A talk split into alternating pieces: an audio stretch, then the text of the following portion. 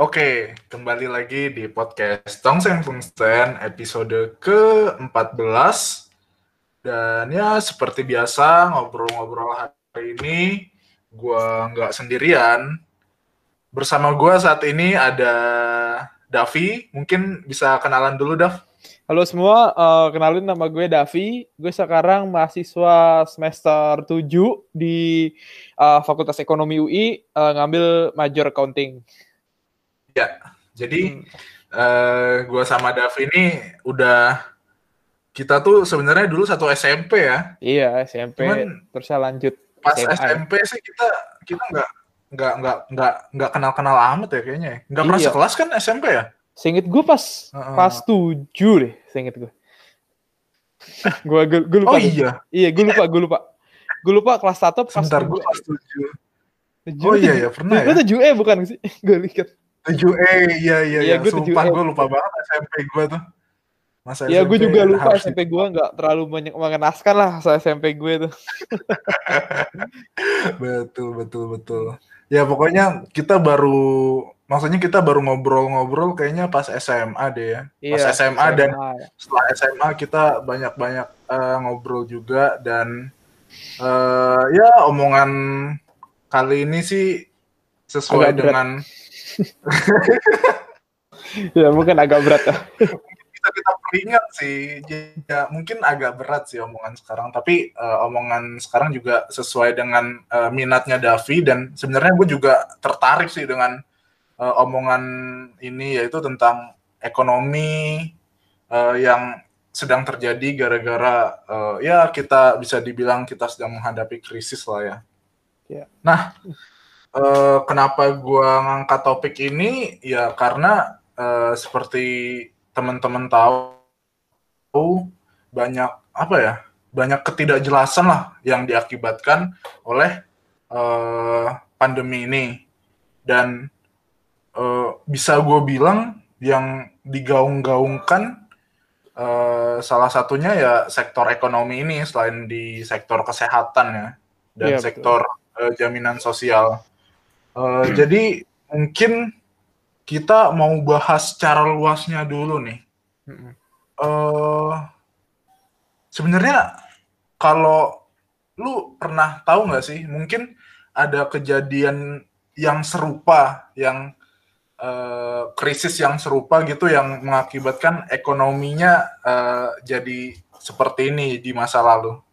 Sebenarnya sih kalau untuk kejadian yang mirip sebenarnya sangat banyak ya. Cuman gue bakal highlight yang lumayan terkenal. Mungkin hmm. lu pada pernah denger uh, The Great Depression atau depresi hebat tahun 1300 1930-an tahun hmm. tahun 1930. Terus hmm, yeah. ada juga uh, krisis oil oil price tahun 70-an hmm. di mana harga minyak saat itu sangat tinggi-tingginya sehingga memicu uh, kenaikan harga yang luar biasa itu. Hmm. Dan yang paling parah mungkin uh, krisis ekonomi global tahun 2008 di mana hmm. saat di mana saat itu dunia uh, indeks-indeks saham indeks, indeks saham dunia tuh hancur. Terusnya hmm. uh, salah satu bank investment bank terbesar di dunia uh, Lehman Brothers itu bangkrut dan uh, banyak industri-industri sektor-sektor industri di Amerika sana seperti otomotif itu sangat menderita.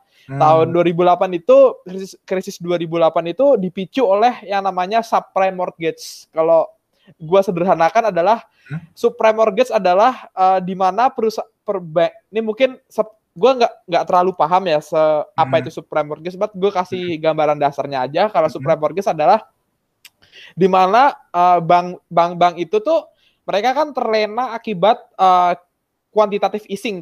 Kuantitatif, easing itu adalah pelonggaran suku bunga dari The Fed. The Fed itu bank sentralnya Amerika. Okay, nah, iya. karena uh, ada pelonggaran pelonggaran apa?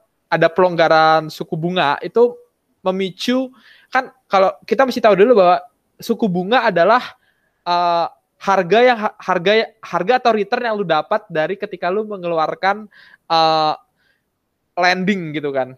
Hmm. Nah, karena pada saat-saat itu uh, ada quantitative quantitative easing itu kayak suku bunga tuh lagi tinggi gitu loh kerjanya. Hmm. Pada saat itu lagi ekonomi lagi puncak-puncaknya setelah bangkit dari uh, krisis ekonomi Asia tahun 98. Nah, hmm. Nah, akibat suku bunga yang tinggi itu itu memicu kredit kredit banyak lah, kredit di sektor properti. Apa oh. kredit memicu di kredit sektor properti.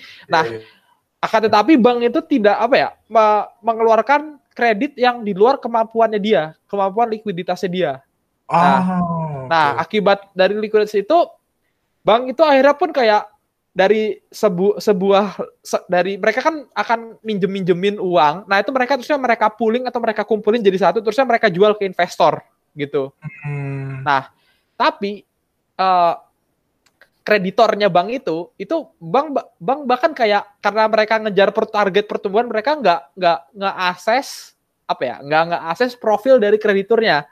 Jadi tiba-tiba ini banyak uh, banyak kredit macet gitu lah. Oh iya iya iya. Nah karena banyak kredit macet itu kan banyak terjadi gagal bayar default yang hmm. mengakibatkan uh, bank itu tidak bisa membayar uh, investornya itu tidak bisa menghasilkan return yang dijanjikan kepada investor. Nah karena ini uh, yang gagal bayar itu sangat besar dan macet oh. itu mengakibatkan bank-bank dunia itu uh, menjadi krisis likuiditas gitu. Oh. Iya, iya, iya, iya. Krisis likuiditas itu akhirnya meledak dan ber, uh, ber apa namanya berdampak ke mana-mana gitu hmm, sih. Iya, iya, iya, iya. Itu singkatnya uh, untuk krisis 2008. Iya, iya, iya. Gua nggak tahu, maksudnya gue nggak tahu nggak terlalu tahu yang uh, krisis 2008. Maksudnya gue tahu sedikit-sedikit, tapi yeah kalau untuk yang The Great Depression kalau uh, The Great itu kan setahu gue kan uh, job loss-nya kalau di Amerika Serikat sendiri kan itu cukup besar kan dan katanya yeah, iya, uh, saat pandemi ini job loss-nya tuh uh, bahkan uh, bisa melebihi saat The Great Depression itu. Tapi betul. apakah uh, apakah kondisi ekonomi global saat ini seburuk The Great Depression atau yang 2008 itu? Sebenarnya menurut gue uh, gue belum bisa memberikan apa ya opini karena saat ini pandeminya hmm. masih berlangsung kan kayak krisis yeah. ekonomi uh, akibat covid ini yeah. Iya. uh, masih berlangsung tapi menurut gue uh, hmm. covid ini tuh uh, lebih berat gue akuin daripada uh, krisis ekonomi 2008. Kenapa? Karena krisis oh. sekarang ini tuh uh, terjadi dua krisis di masyarakat. Yang pertama adalah krisis kesehatan, yang kedua hmm. adalah krisis ekonomi, begitu. Oh, iya. Tapi krisis di mana jadi beban pemerintah tuh jadi dua gitu. Hmm, iya iya iya. Nah, ya sih, terusnya uh, sebenarnya kalau untuk krisis ekonomi karena COVID ini tuh menurut gue yang paling berat, lumayan susah disembuhin. Kenapa? Karena dia dia tuh menyerang dari dua dua sisi hukum permintaan ekonomi supply side sama demand side permintaan supply apa permintaan supply dan permintaan uh, demand gitu. Nah kalau waktu 2008 tuh yang kena adalah di krisis eh, apa yang di demand side doang. Jadi bisa dibenerin hanya dengan uh, kayak misalkan pelonggara restrukturisasi kredit atau misalkan uh, melakukan penurunan suku bunga dan lain-lain gitu. Tapi kalau krisis ini tuh karena kenanya di dua-duanya itu tuh regulator hmm. jujur menurut gue masih terpaku sama penanganan krisis ekonomi 2008 gitu. Oh. Oh. Oh iya iya iya. Ya mungkin karena well uh, ini soto-sotoyan gue ya, yeah. soalnya kan gue kan juga bukan anak ekonomi, uh. tapi uh, apa yang kita hadapi ini kan sesuatu yang baru Betul. kan sebenarnya kan uh, ekonomi terserang dan kesehatan terserang walaupun uh, well 100 tahun yang lalu kita juga mengalami pandemi, tapi it's a different thing karena kayaknya uh, interkoneksi antar global itu sekarang sangat-sangat uh, terkonek kan. Jadi uh, ketika sebuah uh, muncullah sebuah larangan untuk uh, da perdagangan antar negara misalnya ditutup mm. terus dan lain-lain jadi gue bisa pahami sih yeah. kalau misalnya uh, this might be worse gitu ya mm, betul terus nih uh, ya gue paham kalau misalnya ini ada uh, pandemi seperti ini, tapi sebenarnya dampaknya di sektor keuangan dunia tuh gimana sih sebenarnya? Sektor keuangan dunia, uh, sebenarnya sih sektor keuangan dunia itu kalau kita tahu ya, gini gue bakal bicara dari Maret.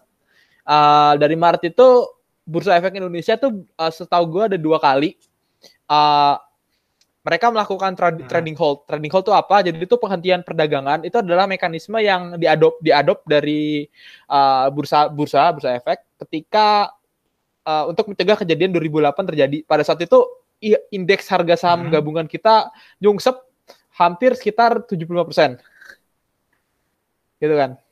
Uh, IHSG. Nah, oh, iya, iya. uh, gue oh. di di Indonesia sendiri uh, kita dua kali trading hold pada saat uh, bulan Maret, pada pertengahan Maret sama tanggal 26 Maret. Nah, terus untuk uh, hmm. dari gue bakal bicara di di US sendiri ya. Di US sendiri tuh ada ya ada yang namanya uh, pada saat ini gue uh, Dow Jones, Dow Jones Industrial Average DJIA itu seperti uh, apa namanya IH, IHSG IHSG-nya Amerika itu mereka ya. turun turun banget kalau lu ya. lihat grafika tuh kayak kayak nukik gitu loh kayak nukik banget dan itu memaksa New York Stock. Exchange juga sekitar dua kali untuk uh, apa trading hold untuk mencegah seperti 2008 gitu. Nah, terusnya ini yang yang mungkin lu udah denger sih Ram. Hmm, iya, waktu iya. waktu du, waktu bulan April kemarin itu kan sempat ya harga dibilangin harga harga uh, harga minyak itu di, di bawah nol alias negatif kan. Lu sempat denger gak? Ya, nah, iya. Hmm. itu tuh sebenarnya iya, iya, itu iya. harga gua gua kasih itu ya. Itu jadi tuh acuan harga minyak dunia itu ada dua, ada WTI West Texas Intermediate sama Brent. WTI itu dipakai untuk acuan uh, Amerika hmm. gitu.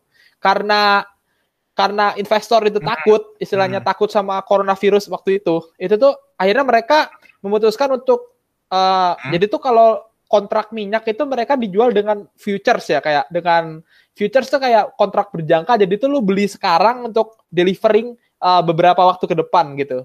Nah, nah kontrak futures itu sendiri ya, tuh bisa betul, lu buka bisa lu tutup lah kira-kira gitu bisa lu jual bisa lu tutup. Nah karena karena karena apa ya? Karena covid karena covid ini kan akan mempengaruhi permintaan minyak kan. Nah, permintaan minyak makanya banyak ya, akhirnya investor mereka tutup gitu, nutup nutup kontrak dan nutup terusnya di close, terusnya di sol mereka nggak mereka nggak mau gitu. Nah, alhasil tuh karena supply minyak yang jadi banyak ya. dan permintaan itu tetap, maka harga jatuh kan. Nah, itu hmm. yang menyebabkan harga minyak di w, uh, WTI hmm. itu tuh nol gitu. Hmm. Nah, terusnya Iya iya iya iya. Uh, gua gua juga sempat ya. Uh, Tadi lu apa? Terusnya? Uh, iya, gue sempat uh, mempelajari juga sih tentang yang minyak harganya di bawah nol itu karena menurut gue menarik banget nih sebuah uh, komoditas kok bisa angkanya uh, sedikit eh di bawah dari yeah. nol kan. Nah, terus mungkin buat yang awam uh, jadi tuh kalau gue tangkap ya kenapa uh, harganya tuh kurang dari nol karena seperti yang lu yeah. bilang tadi pertanyaan eh, apa permintaannya mungkin tetap atau cenderung menurun permintaan malah, bakal menurun karena, sih. Kan kan bulan uh, Maret itu kan udah mulai uh, lockdown lockdown gitu kan dari Februari. Hmm, karena permintaan menurun. Sedangkan kalau minyak sendiri itu nggak bisa maksudnya penggalian minyak ya tidak bisa dihentikan gitu Betul. kan tidak tidak ekonomis untuk menghentikan uh, apa menstop tetap, drilling itu hmm, tidak ekonomis gitu. Yes, tetap keluar minyaknya, terus sementara permintaan tidak ada, jadi harga minus itu simply because it cost more uh, untuk menyimpan minyak itu daripada uh, sedangkan minyak itu tidak bisa dikeluarkan, kurang lebih Betul. kayak gitulah ya.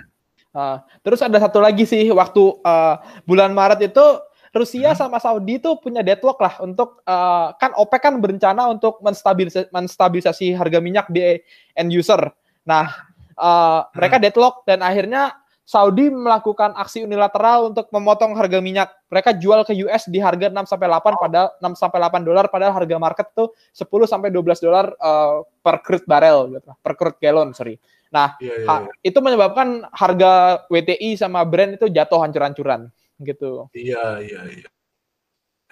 Nah, terus uh, mungkin gue bakal bahas di Uh, Menarik banget sih bond, ini untuk ngebahas minyak saja iya. itu. itu Jadi ada lagi nih bond market satu lagi harga uh, bond itu obligasi ya kayak utang. Nah ini gara-gara covid ini uh, banyak industri-industri oh, iya. perusahaan-perusahaan yang bergerak di industri uh. retail, industri uh, apa namanya industri makanan, industri travel, industri hospitality kayak hotel itu mereka default alias gak bisa bayar. Tiba Padahal cash flow 2019 mereka tuh lagi bagus-bagus ya gitu lah. Tiba-tiba nih gara-gara COVID langsung nggak bisa bayar. Uh, iya sih itu itu mungkin uh, sedikit tentang kondisi kita saat ini ya. Tapi uh, dan kondisi saat ini sih uh, beberapa mungkin beberapa minggu yang lalu kita dengar kalau misalnya beberapa negara sudah jatuh di jurang resesi seperti ya Singapura. Hmm. Terus baru baru-baru ini gue juga uh, kayaknya Korea Selatan juga udah mulai kena resesi ya. Hmm. Tapi sebenarnya resesi itu kayak gimana sih, Uh, resesi, Mungkin bisa dijelasin sedikit. Resesi itu sebenarnya adalah ketika uh, out, uh, pertumbuhan ekonomi negara dalam dua kuartal, dua kuartal maksudnya adalah uh, eh, Q1 itu dari Januari sampai hmm. Maret dan uh, dari misalkan Q2 itu adalah uh, April sampai Juni itu negatif gitu.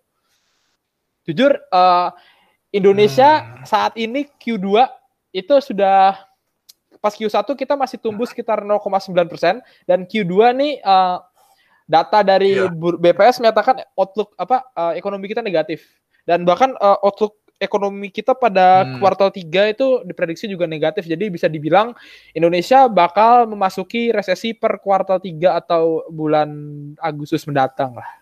Gitu. Hmm, ya ya ya.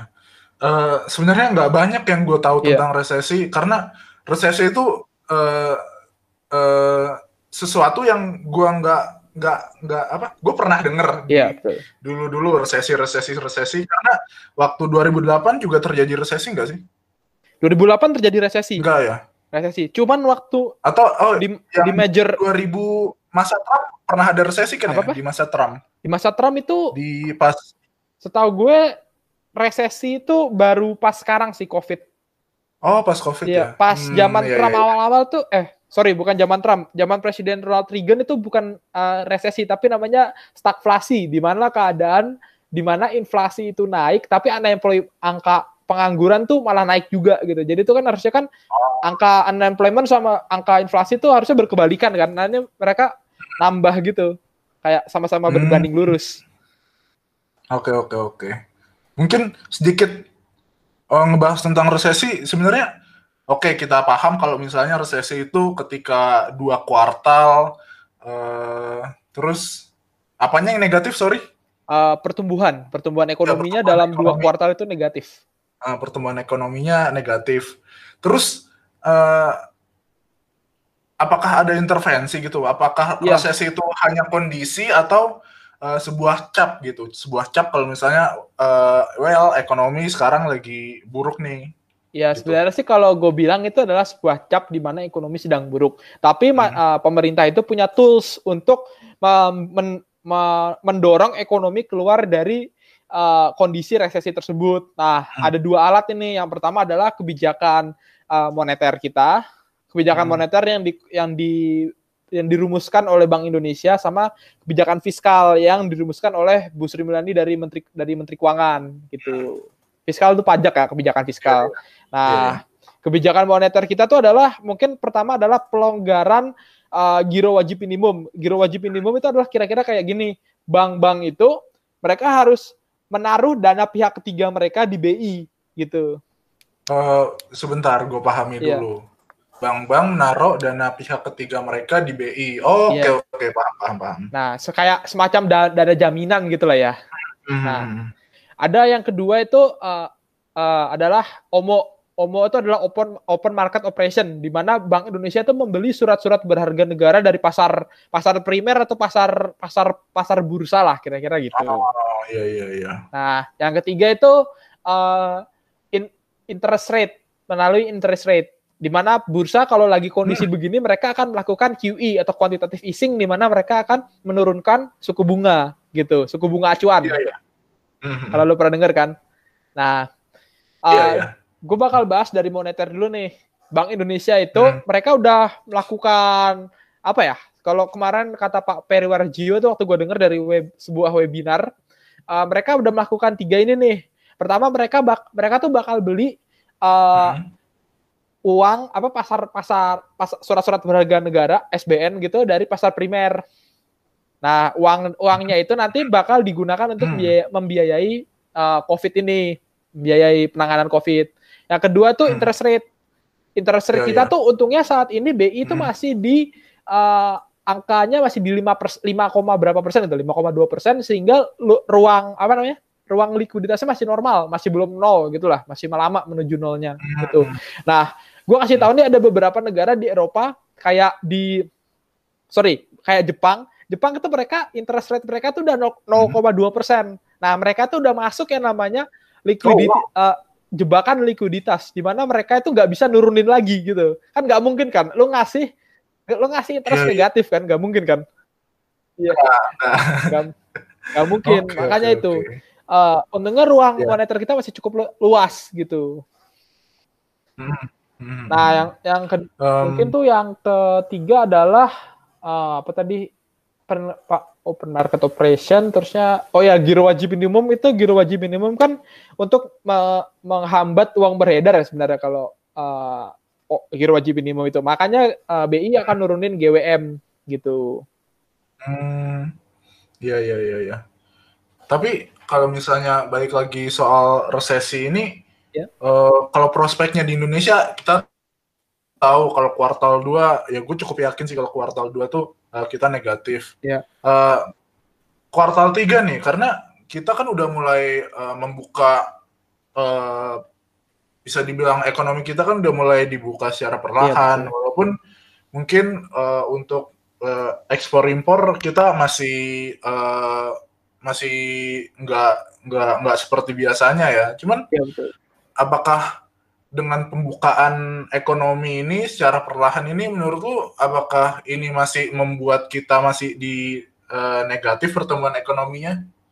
Sebenarnya sih kalau menurut gue kita bakal tetap negatif. Kenapa? Karena uh, jujur konsumsi belum kembali ke level sebelum COVID gitu. Oh iya. Dan di mana uh, harga-harga acuan di mana di, di mana saat uh, konsumsi tidak bisa menunjang pertumbuhan ekonomi maka kita biasanya akan langsung ke investment.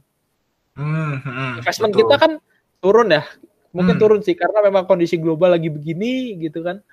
Uh, jadi menurut gue sih bakal negatif sih. Hmm, ya ya ya ya.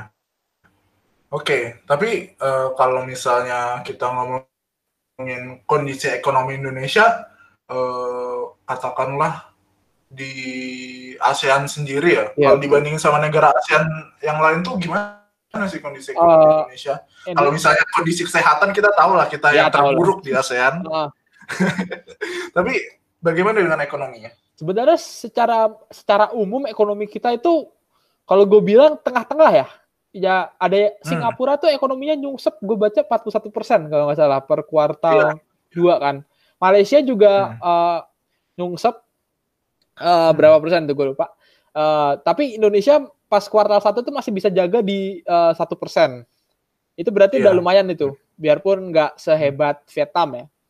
Uh, hmm. Tapi uh, menurut gue karena Malaysia dan Singapura tuh berani ngambil opsi lockdown, itu mereka akan rebound secara cepat hmm. ekonominya bakal mantul lagi gitu. Nah, Indonesia ini yang istilah istilahnya ngambil kebijakan ekonomi setengah-setengah apa kebijakan kesehatan setengah-setengah begini. Gua agak gua agak agak agak apa ya? agak agak pesimis sama uh, forecast ekonomi kita gitu.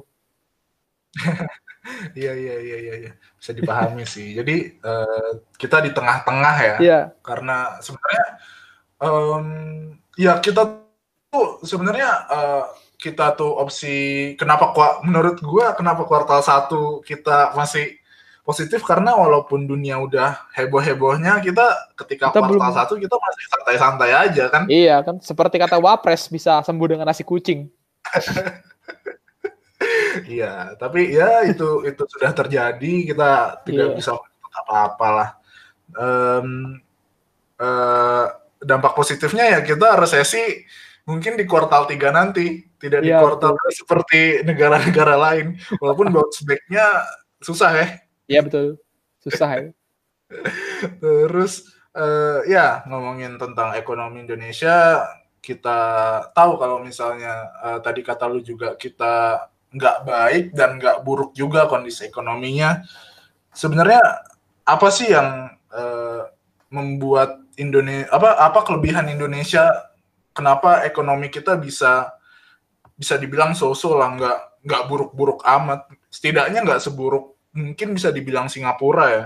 Iya karena ya Loh, itu uh, kita itu masyarakatnya konsumtif ya gitu hmm. kalau gue bilang. Nah itu yang menjaga sustain uh, ekonomi kita tidak uh, ambles ke bawah tuh yaitu masyarakat bisa menjaga konsumsinya meskipun shifting ke online gitu kan.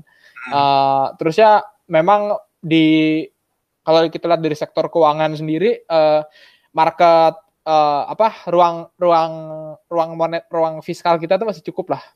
Er, maksud gue ruangan ruang likuiditas kita masih cukup gitu dan uh, mungkin yang mungkin yang perlu gue kritisi mungkin adalah kebijakan dari fiskalnya sendiri itu yang menurut gue agak uh, kurang apa ya kurang kena gitu. Karena kalau menurut gue kebijakan fiskal tuh kebijakan fiskal sendiri itu harus digunakan untuk menjaga konsumsi masyarakat. Misalkan hmm. dengan pemberian uh, bantuan langsung tunai gitu baru dengan insentif pajak. Karena menurut gue kayak ngapain lu ngasih insentif pajak padahal duitnya nggak ada gitu. apa maksudnya kayak pemerintah tuh nggak punya duit untuk melakukan uh, menggenerate ekonomi gitu. Iya iya iya iya. Hmm. Terus um, kita tahu walaupun uh, kita bisa dibilang ekonominya nggak buruk-buruk amat, tapi uh, lu tau nggak sih apakah ada langkah mitigasi dari pemerintah untuk ya bisa dibilang untuk krisis inilah untuk uh, memperbaiki ekonomi karena ya tadi karena ada kemungkinan kita bounce back-nya juga sulit karena kita hmm. uh, bisa dibilang tanda kutip terlambat kalau dibandingkan sama negara lain. Jadi apa sih langkah uh, yang pemerintah ambil untuk ya, menanggulangi krisis ini? Uh, sebenarnya sih tadi gue udah jelasin kan pemerintah hmm. itu alatnya dua, kua, uh, hmm. apa namanya kebijakan moneter sama kebijakan fiskal. Kalau pas kebijakan moneter tuh udah mulai pelonggaran likuiditas, penurunan suku bunga, terusnya pembeli uh, penurunan giro wajib minimum sama uh, pembelian uh, surat berharga negara dari pasar primer.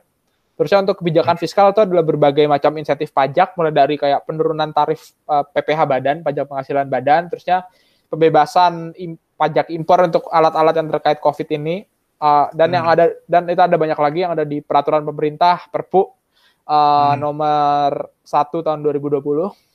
Hmm. Itu ada banyak ya. Cuman menurut gua tuh kebijakan ekonominya tuh ada beberapa kebijakan yang kayak ngawur. Misalkan kayak kartu prakerja itu menurut gue ngawur banget.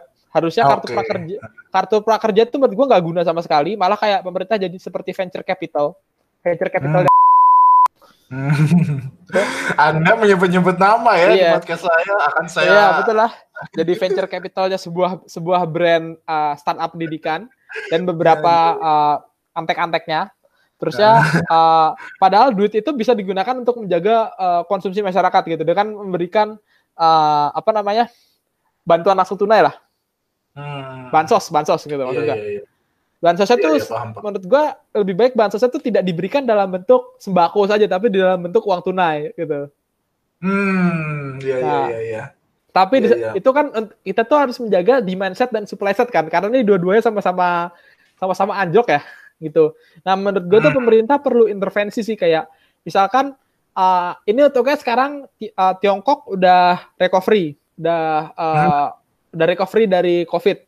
Kita bisa hmm. mendekati mereka untuk me, apa ya meminta mereka lebih banyak melakukan impor gitu. Jadi kita bisa ekspor lebih banyak. Hmm, iya iya iya, benar benar benar.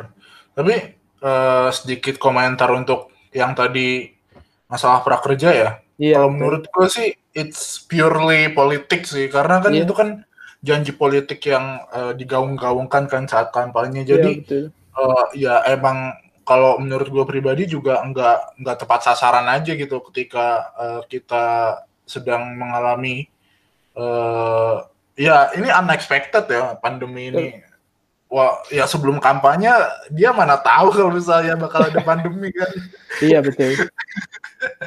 Tapi uh, I think it's purely uh, politik dan sangat ya cukup disayangkan lah kalau misalnya untuk uh, gerakan politik uh, dan padahal si uang ini kan bisa dialokasikan untuk bantuan ya bantuan langsung tunai. Betul. Nah terus uh, menarik tadi ngomongin masalah bangsa, uh, bantuan langsung tunai. Kenapa lu pikir kasih uang aja, nggak nggak usah sembako? Uh, menurut gua tuh karena apa ya? kalau misalkan dengan lu ngasih uang tunai itu masyarakat punya fleksibilitas lah untuk spending di sektor-sektor yang uh, apa ya yang yang mungkin mereka sangat butuh gitu.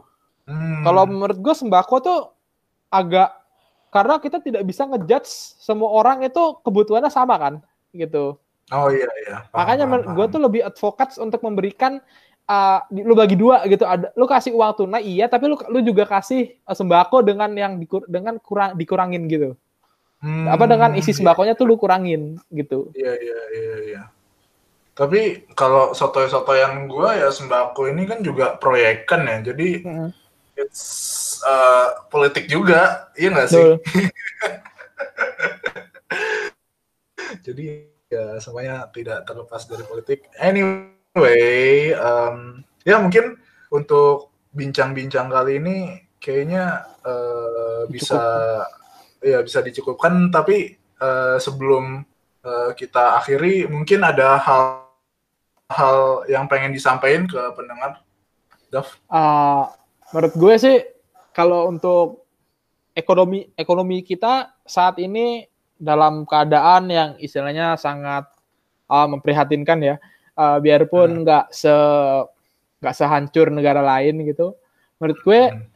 uh, mungkin ini salah satu uh, saat di mana kita harus memikirkan keadaan uh, pencadangan dana darurat gitu di setiap keluarga perlu dana dana darurat karena misalkan kayak ada beberapa tetangga gue yang kena layoff dari perusahaan mereka oh, bekerja uh, dan hmm. mereka tuh tidak punya uh, dana darurat lah jadi mereka kayak kesulitan keuangan saat ini jadi ya menurut hmm, iya, iya. menurut gue sangat penting kita tidak tahu kapan krisis ekonomi itu bakal terjadi. Kita perlu mempersiapkan uh, perencanaan keuangan kita sebaik-baiknya gitu. Jadi uh, mungkin hmm. bisa dibiasakan dengan uh, tidak menghabiskan semua gaji kita, bisa di dan mulai kayak kita bisa investasi sih hmm. dari uh, mungkin ke tidak kalau lu adalah orang yang bukan risk averse atau tidak berani rugi mungkin bisa uh, investasi di yang aman seperti deposito, surat berharga negara dan lain-lain gitu. Ya.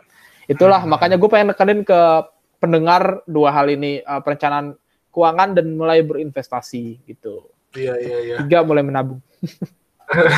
ya. Wah, aduh, gara-gara ngomongin ini nih jadi enggak jadi selesai deh. Gue pengen nanyain pertanyaan pribadi sih. Iya boleh. Uh, gue pribadi kan udah uh, uh, syukurlah karena gue udah punya uh, dana cadangan gitu. Iya. Uh, kalau misalnya gue uh, jabarin dana cadangan gue tuh mampu menopang uh, kehidupan gue secara uh, selama enam bulan kan dengan pengeluaran gue uh, saat ini kan. Karena pengeluaran gue juga tercatat. Itu untuk enam bulan udah aman lah kalau misalnya gue nggak ada pemasukan sama sekali. Hmm.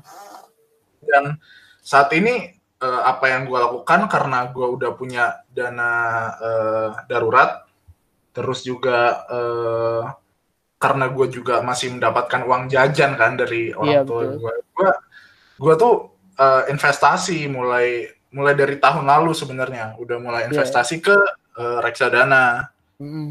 dan uh, reksadana reksadana reksadana apa enggak reksadana uh, siapa Wah, kalau siapanya gue nggak berani sih, tapi Oh, iya. reksadana gue uh, tersebar tuh di Tipe tipenya apa? Maksudnya gak, lu berani masuk ke saham atau pasar Ah. uang atau Ah. uh, fix in apa fix income? ya, Kelas-kelasnya kan banyak tuh. uh, kalau gue saat ini, uh, gue awalnya di saham tuh. Iya. Di saham itu uh, terbesarnya saat ini sih masih di saham Iya. uh, untuk uh, nominal terbesar. Terus gue juga ke fixed income pendapatan Hmm. tetap sama ke pasar uang. Hmm, Hmm. Oke. pasar uang nih yang terbaru sih sebenarnya karena eh, terbaru eh, kalau nggak salah baru dua atau eh, sorry empat tiga atau empat bulan yang lalu gue baru Hmm. masuk ke pasar uang karena ngelihat eh, si eh, reksadana saham wah hancur parah pak Iya, emang. Eh, kebetulan gue sama bokap gue kan kayak megang satu akun ya, tapi itu kayak kita megang dua ah, satu akun yang sama, tapi itu memang lebih ke mempersiapkan bokap gue pensiun kan. Nah itu kita bokap gue udah juga udah switch lah dari dari dari saham kita turunin persentasenya jadi sekitar 20 persen dari Hmm. 40 persen kita tu- eh, kita pindahin ke money market dananya gitu. ah iya iya iya tapi eh, untuk saat ini gue sih melihat kan si saham tuh kan sempat sampai 30% minusnya cuy Iya betul. parah banget itu wah stres banget sih cuman karena gua ini juga eh, reksadana saham untuk jangka panjang jadinya eh, ya udahlah emang emang emang segitu emang Hmm. ini kondisinya nggak menentu dan suatu saat nanti kan harapannya kan eh, bounce back ya. Eh, eh, terus tapi eh gua juga justru malah pengen investasi lebih lagi karena menurut gua ini harga kan lagi turun-turunnya nih. Mm. It's a good chance nggak sih untuk uh, investasi menurut lu? Karena gua mulai tertarik. Uh, Uh, gua udah punya tiga produk, gua just- pengen nambah produk lagi. Justru tuh eh, apa ya? Kalau menurut Warren Buffett, Warren Buffett itu pernah Hmm. bilang, "Be greedy Hmm. when others afraid." Jadi itu adalah jadilah rakus ketika eh, orang-orang itu takut. Jadi mak- maksudnya adalah ketika eh, saham lagi turun-turunnya begini, waktunya lu ngambil saham-saham dengan yang eh, fundamentalnya baik. Maksud gua adalah lu mungkin bisa acuan ke saham LQ45 gitu. Gua kan Hmm. kalau gua adalah eh, gua main saham eh, tapi bukan Oke. reksadana, tapi memang Hmm. retail ya, main retail. Itu gue Hmm. sekarang mengumpulkan eh, beberapa saham LQ45. Gue ngambil ada sekitar eh, empat atau lima ya, eh, sorry tiga atau empat. Ini Hmm. menurut temen gue, itu temen gue yang bilang kalau lu saham perhatiin fundamentalnya Hmm. banget dan jangan pernah megang saham sa- megang saham lebih dari tiga eh, apa lebih dari empat karena lu bakal bi- bakal bingung ngikutin masing-masing gitu. Apalagi lu adalah orang yang megang retail, bukan megang bukan fund manager juga gitu. Iya iya iya iya sih, bener. Kalau misalnya main saham, nggak saham tuh nggak dimainin ya sebenarnya. Tapi Iya, tapi lu misalnya kayak lu menemukan celah gitu. Menemukan celah yang tepat lah. iya betul betul betul betul betul. Karena gua nggak paham ekonomi sih, jadi gua eh, masih takut sih untuk bermain eh bermain lagi untuk menaruh uang gua di saham. Jadi gua serahkan aja lah ke manajer investasi ya. Iya itu. Iya, tapi sepertinya sih gua eh, mau mencoba untuk eh, beli produk lagi sih untuk reksadana ini. Tapi belum tahu reksadana yang mana. Mungkin harus riset dulu kali ya. Ya. Semoga eh, cuan lah, semoga cuan anjir. ya udah eh, untuk podcast kali ini gua rasa eh, cukup sampai di sini. Terima kasih Davi udah eh, meluangkan waktunya untuk ngobrol-ngobrol bareng gua. Ya, thank you Rak for uh, having me in your podcast. Uh, Oke. Thank you for all our listeners. Gua Raka Gue cabut Davi pamit. dan sampai jumpa di podcast berikutnya. Bye bye. Bye bye.